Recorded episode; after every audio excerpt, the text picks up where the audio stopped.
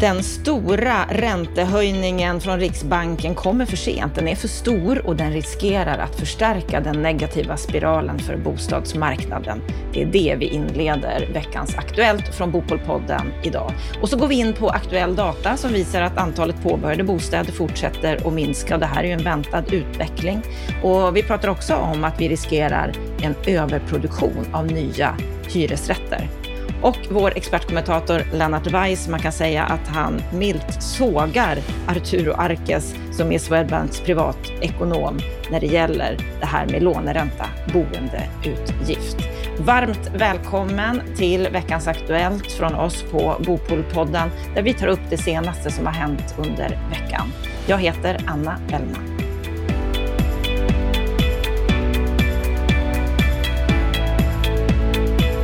Och vi börjar veckans Aktuellt med det stora den här veckan, nämligen räntehöjningen. Riksbanken de har tagit i ordentligt. De höjer styrräntan med en hel procentenhet, 100 punkter.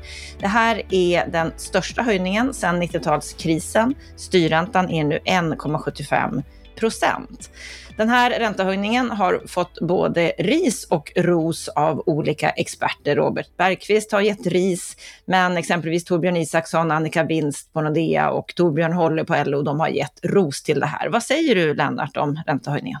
Jag tycker nog att man ska notera att Annika Winst var tämligen sval också och Choco Årman eh, även så. Jag tycker nog att Stefan Ingves återigen kvalificerar sig som, här, som kapten Traska Patrullo, alltså han som kom för sent alltjämt. Och så även den här gången. Jag tycker Choco Årman gör den riktiga kommentaren. Räntor ska trappas upp och köras med hiss ner. Nu kör vi hiss upp och så kommer vi att trappa ner. Det skapar chockeffekter i ekonomin och eh, det är definitivt så som Annika Winst säger att det här kom för sent. I det här sammanhanget så skulle jag vilja återkalla en intervju med Wallenstam som gjordes i Dagens Industri den 23 juli, där han med all rätt påpekar att om man hanterar räntepolitiken på fel sätt så kan effekten bli hyperinflation med alldeles kolossala effekter på samhällsekonomin. Och vad menade han där som jag tycker man ska påminna sig om? Ja, för det första så måste man ju reda ut vad är importerad inflation och vad är inhemsk inflation? Är det självklart att en räntehöjning i Sverige leder till att eh, inflationen går ner? Ja, det beror ju på varifrån inflationen kommer. Om den inte är så att säga rätt analyserad i det här sammanhanget så riskerar ju stigande räntor att leda till kompensation. Först med ökade hyror och det har vi redan sett, det ska vi kommentera senare i det här programmet och därefter med stigande löner. Och då kan vi få den här eh, inflationsspiralen eh, som vi fick under 1970-talet. Dessutom påpekar ju Wallenstam med all rätt att slår man till för hårt så kan det leda till dramatiska priskonsekvenser eh, på marknaden i värsta fall en halvering av bostadspriserna, så illa tror jag inte att det går. Och, och definitivt en tvärnit för bostadsbyggandet. Ja, tvärniten den är redan här. Vad som händer med bostadspriserna vet vi inte. Men jag tillhör ju de som trodde på en 10-procentig justering i, när vi pratade om det här i våras. Jag tror nu snarare på 20 procent. Och det är en väsentlig förändring av förutsättningarna för de som ska bygga nytt. Så att eh, det här kom för sent. Jag tycker att det är dåligt med bakgrundsanalys av inflationens sammansättning och därför så blir ju också Riksbankens förutsägelser om räntepolitiken framåt ännu mer eh, höljd i dunkel.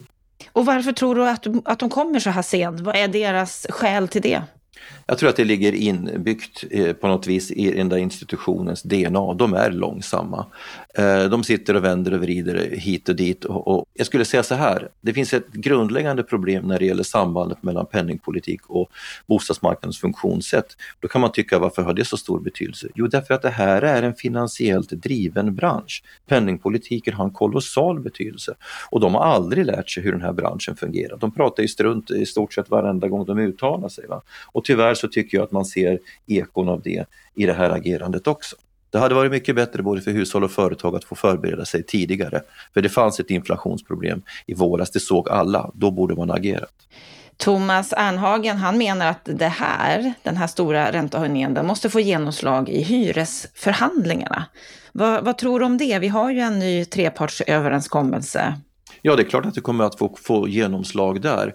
Eh, men det är ju inte bara räntorna som påverkar utan det är ju inte minst energipriserna, ökade förvaltningskostnader och vad det nu är. Men det är klart att stigande räntor påverkar vilket företags kapitalkostnader som helst. Och det här är ju en sak som Eh, jag har påpekat i bostadsdebatten hur många gånger som helst att när man pratar om räntor och räntors effekt på boendekostnader, boendeutgifter, så har man en tendens att alltid prata om konsekvenserna i det ägda boendet. Men självklart slår det igenom också för det hyrda boendet. Och då ska man ha klart för sig att en hyreshöjning på hyresmarknaden, alltså kostnad, en kostnadsökning på hyresmarknaden, den är ju beständig. Medan en, en kommande räntesänkning får positiva effekter för den som bor i ägt boende.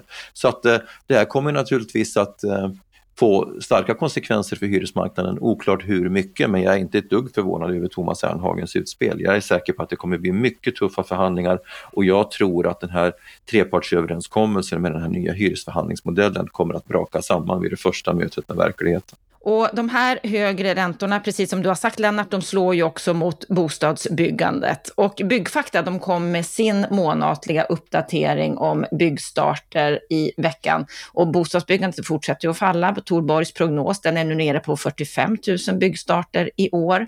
För bara en månad sedan så pratade han om uppemot 50 000.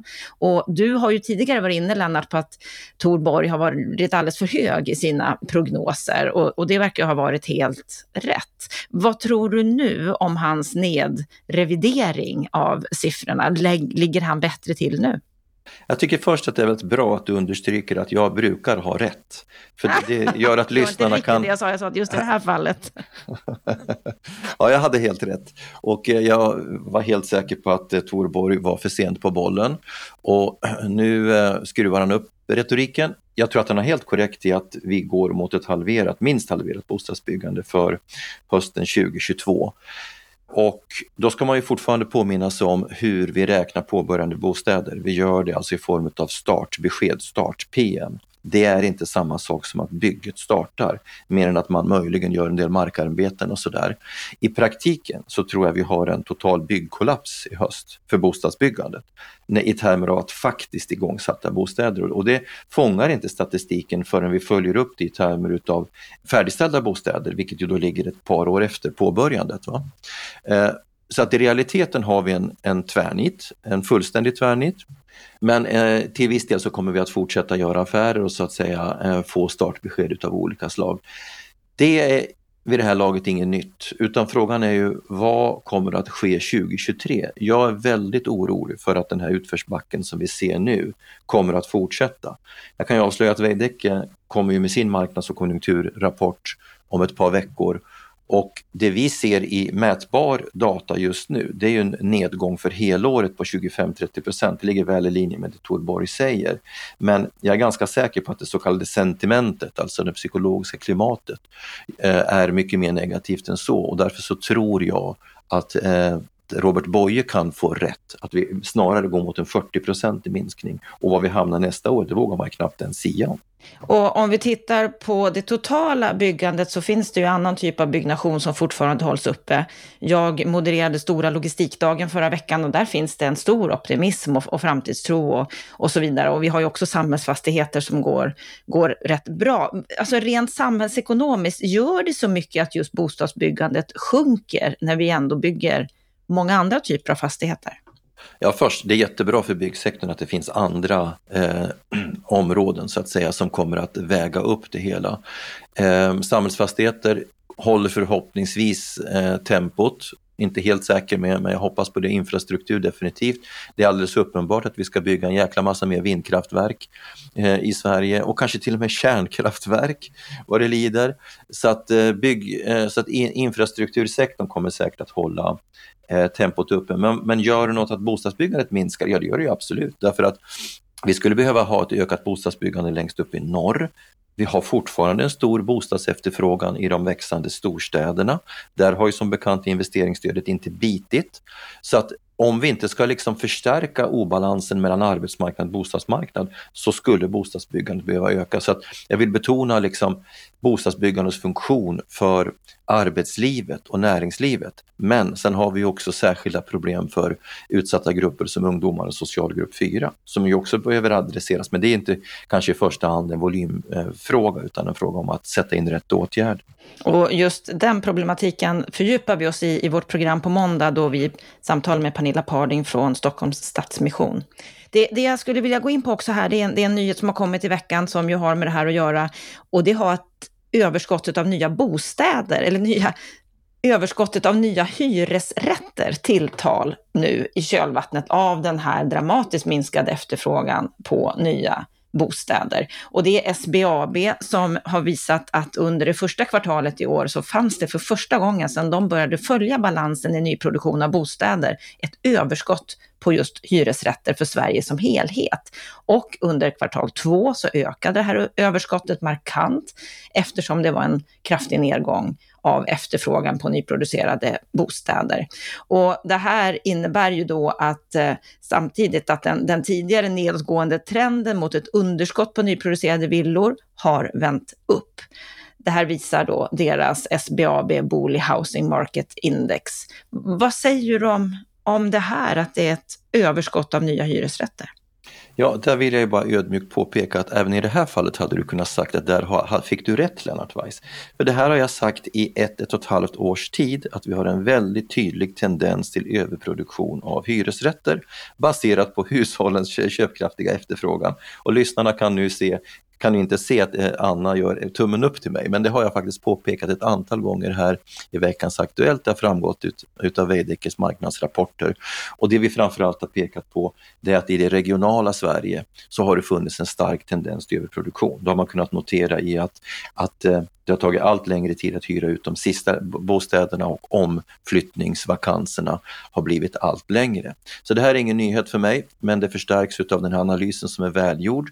Och eh, vi kan eh, i det här fallet också faktiskt hänvisa till Stefan Ingves som i veckan uppmanade de kommersiella fastighetsbolagen att ta det lite lugnt nu med nystarter utav hyresrätter. Och det är ju för att eh, i det fallet så har han ju en erfarenhet av 90-talskrisen det är den kommersiella fastighetssektorn som en eventuell kris skulle eh, inträffa först. Och det skulle definitivt inträffa först eh, på de ställen där man har byggt för mycket hyresrätter. Nu tror jag inte att det kommer att ske för att dessbättre så har vi avvecklat investeringsbidragen. Det kanske behövs ett eh, finansiellt stöd i andra former som träffar andra så att säga geografier. Men, men eh, det är bra nu att vi drar i handbromsen för hyresrätter. Ja, han har rätt Robert Boye i sin analys. Vi ska gå vidare här i veckans Aktuellt till ett ämne som har diskuterats flitigt, nämligen bankernas höga kalkylräntor. Och nu när räntan stiger så kraftigt så blir den här diskussionen ännu mer aktuell. Och här har Swedbanks sparekonom Arturo Arques skrivit i Dagens Industri så här, att en kalkylränta på 6% är nödvändig, inte minst vid utlåning till konsumenter som köper en nyproducerad bostadsrätt. Om vissa bostadsutvecklare fått som de velat och det avsteg ifrån dagens amorteringskrav och kunderna lånat mer, hade det inte bara inneburit högre bostadspriser och högre skuldsättning, utan också en ännu högre räntekänslighet. Enligt The Economist så toppar Sveriges bolånetagare redan idag listan över de högst räntekänsliga inom OECD och i dagens situation med en inflation på 8% och en genomsnittlig bolåneränta på väg mot 3% så hade vi redan slagit i taket för hur mycket låntagarna klarar av i boendekostnader om bolånetagare använt pengar som idag går till amortering till att istället betala ränta på ett större bostadslån. Vad säger du om det, Arturo? berättar här. Ja, jag har ju redan haft en batalj med honom här i veckan på Twitter där jag påpekar att han som vanligt har fel och Economist har, jag klarar inte av att göra en helhetsanalys av den svenska bostadsmarknaden. Vilka är det som har höga bostadslån i förhållande till sina inkomster? Det är unga hushåll. Vilka tillgängliga alternativ har ett ungt hushåll om när man nu ska sätta bo och skaffa familj? Jo, det är en nyproducerad hyresrätt. Vilken boendeutgift skulle ett ungt hushåll få om man flyttar in i en nyproducerad hyresrätt? kontra att man flyttar in i en ägd bostad eh, som till och med skulle kunna vara något mer belånad om, om priserna hade gått upp. Ja, då vet vi ju från alla studier att du får högre boendeutgifter om du flyttar in i nyproducerad hyresrätt än om du flyttar in i en ägd bostad. Det är alltså Arturo Arkes inte klarar av att göra och jag blir allt mer irriterad på den saken. Han är privatekonom. Han ska klara av att göra en analys utav hushållens olika handlingsalternativ och sätta in det i en hushållskalkyl. Och då är det ett faktum att det tillgängliga alternativet skulle ge hushållen högre boendeutgifter, därmed urholka deras konsumtion ännu mer och således ge en större effekt på ekonomin. Så att det han sitter fast i, det är ju ett tankeschema. Eh, han sitter fast i samma tankeschema som Thedéen och Ingves har suttit fast i i flera år. Att man är totalt fixerade vid eh, vid ränteutgifter med koppling till ägt boende. Det vi kunde visa i, i sommarens rapport från Veidekke som vi ännu inte har gett eh, alltför stor spridning till, det är ju att det finns ett kolossalt stort utbud utav tillgängliga bostäder i de 25 procenten utav bostadsmarknaden, den ägda bostadsmarknaden med de lägsta eh, överlåtelsepriserna. De, tyvärr är det så att hushållen som skulle kunna efterfråga de bostäderna baserat på sina inkomster spärras bort till följd av kreditrestriktioner. Vad gör Arkes. Han fortsätter med en papegojas envishet upprepa samma argumentation. Han sätter sig inte in hur bostadsmarknaden ser ut i olika segment, vilka priser som finns där och hur hushållens alternativ ser ut underkänt Arturo Arkes riktigt dåligt utifrån en privatekonoms sätt att, att analysera saker och ting. Och Economist, vad har de för bevisvärde i sammanhanget? De sitter i London, de har ingen koll på hur svensk bostadsmarknad fungerar. Så att eh, en riktigt dålig analys som bara förstärker en, en i grunden felaktig argumentation till förfång för dagens unga. Och samtidigt så är det ju många som menar att just det här med att det har varit kreditrestriktioner, att vi har hållit nere skuldsättningen hos hushållen har varit bra med tanke på den kris vi är inne i nu. Du håller inte med om det? Nej, inte alls, utan vad det här har gjort det är att hushållen har tvingats in i sämre boendealternativ. De har tvingats flytta och betala med, med, med, med eh, längre eh, pendlingstider. Men i de flesta fall har de framförallt inte kunnat sätta bo i det livsskede de ska göra, utan jag påpekar det jag brukar göra. Man måste anlägga ett generations och livscykelperspektiv på detta. Ungdomar ska ha låga trösklar in på bostadsmarknaden. De ska stöttas med undantagsregler mot kreditrestriktioner. Om bara ungdomar omfattas av det får inga massiva konsekvenser för bostadspriserna i, i totalmarknaden. De ska stöttas med startlån. De ska stöttas med bosparsubventioner. Sen om man är orolig för aggregatet, det vill säga den samlade ökade eh, skuldsättningen, då ska man säkerställa att hushåll som har varit inne på bostadsmarknaden ett antal år, som har en stabil eh, ställning på, på arbetsmarknaden har fått en ordnad ekonomi, då kan de börja amortera ner sig så att aggregatet inte blir så stort. Men att straffa, att så att säga lösa det här problemet genom framtunga åtgärder, det är Sverige ensamt om i hela världen och jag har påpekat det om och om och om igen. Jo, vi har samma typ av kreditrestriktioner, men andra länder har kompensationslösningar, särlösningar för unga och Sverige är det enda landet i västvärlden som saknar det. Och det har heller inte Arturo Arkes fått in på radarn tyvärr. Vi ska fortsätta med Robert Boye på SBAB som vi redan har nämnt här i podden idag. Han har gjort ett utspel på DN Debatt om att det är stora skillnader mellan listpriser och bankernas faktiska boräntor ut till kund. Han skriver så här att vilken ränta man får på sitt bolån, det borde inte bestämmas av hur duktig man är på att förhandla. Han menar att det borde finnas mer transparens kring det här, att kunder med samma riskprofil och samma belåningsgrad och så vidare ska behandlas lika. Och han ger förslag förslag till regering, Finansinspektion och bankerna själva. vad, vad säger du om det här? För ovanlighetens skull så är jag inte riktigt med, eh, med på hans linje. Jag förstår visserligen hur han tänker. Att eh, det är klart att svagare hushåll, jag kan tänka mig med en sämre sämre språk och så vidare, va? Eh, som går till banken har en sämre förhandlingssituation. Jag kan mycket väl tänka mig det. Och det problemet eh, har jag själv ingen konkret och bra lösning på. Men jag är väldigt rädd för att hans recept skulle leda till att bankernas marginaler bara skulle öka. För det faktum att bankernas marginaler ändå är lägre än vad listpriserna eh, indikerar beror ju på att många hushåll är duktiga på att förhandla.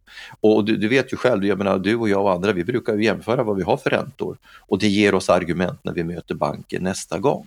Och sen är det ju som någon skrev här i en kommentar också, varför ska inte banken, banktjänstemannen kunna avläsa hushållets ekonomiska situation på det sätt som gjordes förr? Varför ska inte ett hushåll som har skött sina lånebetalningar på ett bra sätt under många år eh, och där bankmannen känner det här hushållets eh, in och ut eh, på, alla sätt och vis. Varför ska de inte kunna förhandla ner en ränta? Eller någon som bor på landsbygden och har ett, ett lantbruksföretag och behöver eh, ta upp ett lån för att göra en investering men har skött sin ekonomi och sina räntebetalningar under alla år. Ja, jag tror att det här bara leder till att bankernas marginaler ökar och vi har redan en oligopolsituation på bankmarknaden. Så att nej, här är jag faktiskt inte med honom. Vi ska avsluta veckans Aktuellt med våra politiker. Det är ju ett spännande läge nu att se hur regeringen kommer att bildas och vem som blir ansvarig för vad. Och det vi kan konstatera det är att Emma Hult, som vi samtalade med här i podden för några veckor sedan, som ju har varit civilutskottets ordförande, Miljöpartiets bostadspolitiska taleperson, hon kommer att få lämna riksdagen eftersom MP i hennes hemlän Jönköping har fått färre röster än i Södermanland. Vad, vad säger du om det här? Vad tror du om vem tar över som bostadspolitisk talesperson för MP? Jag har ingen aning om hur deras riksdagsbänk ser ut så att eh, det, det får jag säga pass på. Eh, Emma är ju en väldigt sympatisk person. Jag har ju ha, stött på henne och samtalat med henne i många seminarier och paneler. Eh, hon har ju också en om jag minns rätt nu så är hon byggnadsingenjör i botten eller någonting sånt här, så hon har, hon har ju en branschkunskap. Tycker tyvärr inte att hon har gjort det avtryck hon hade kunnat göra. Eh, som ung och, och, och, väl eh, påläst kvinna så hade hon kunnat sätta, göra ett större avtryck i debatten, men hon har valt att ta en väldigt nedtonad roll. Så det tycker jag är synd. Så på det sättet så lämnar hon väl kanske inget större tomrum efter sig. Och jag säger det med beklagande, för det är som sagt en sympatisk person. Eh, vem som kommer efter har jag ingen aning om alls. Och när det gäller Centern, då lämnar ju också Ola Johansson riksdagen. Han kandiderade ju inte för att vara, vara kvar där. Vem, vem tror du tar över där? Har du något förslag där? Nej, egentligen inte heller. Ja, då måste man gå in och titta hur, hur deras sammansättning ser ut och, och Centern har ju gått tillbaka i många av sina starkaste valkretsar och säkert har det försvunnit en del personer. Jag skulle däremot säga att det vore ju bra om Centern valde en person som både vill och har förmåga att ta sig ut i den offentliga debatten därför att Centern har en viktig roll att spela som ändå lite av landsbygdens röst. När det gäller tankarna om en ny egna hemsrörelse och sådär så skulle de behöva ha en stark och passionerad röst. Man får ändå ge Ola det att han har varit en eh, en person som, en av de få i riksdagen som har orkat och vågat ta en fight mot Bolund eh, tidigare och, och därmed mot Finansinspektionen och Riksbanken när det gäller kreditrestriktionerna. Och dessutom är det också en eh, sympatisk och trevlig person så att eh, jag kommer sakna honom. Eh, men även han hade kunnat göra ett större avtryck eh, skulle jag vilja säga. Så att eh, jag hoppas att vi får in en, överhuvudtaget får in en, en konstellation personer i civilutskottet som har eh, lite mera lejontass än vad tidigare företrädare har haft. Mm. Vi följer det med spänning och ser hur konstellationerna kommer att se ut framöver.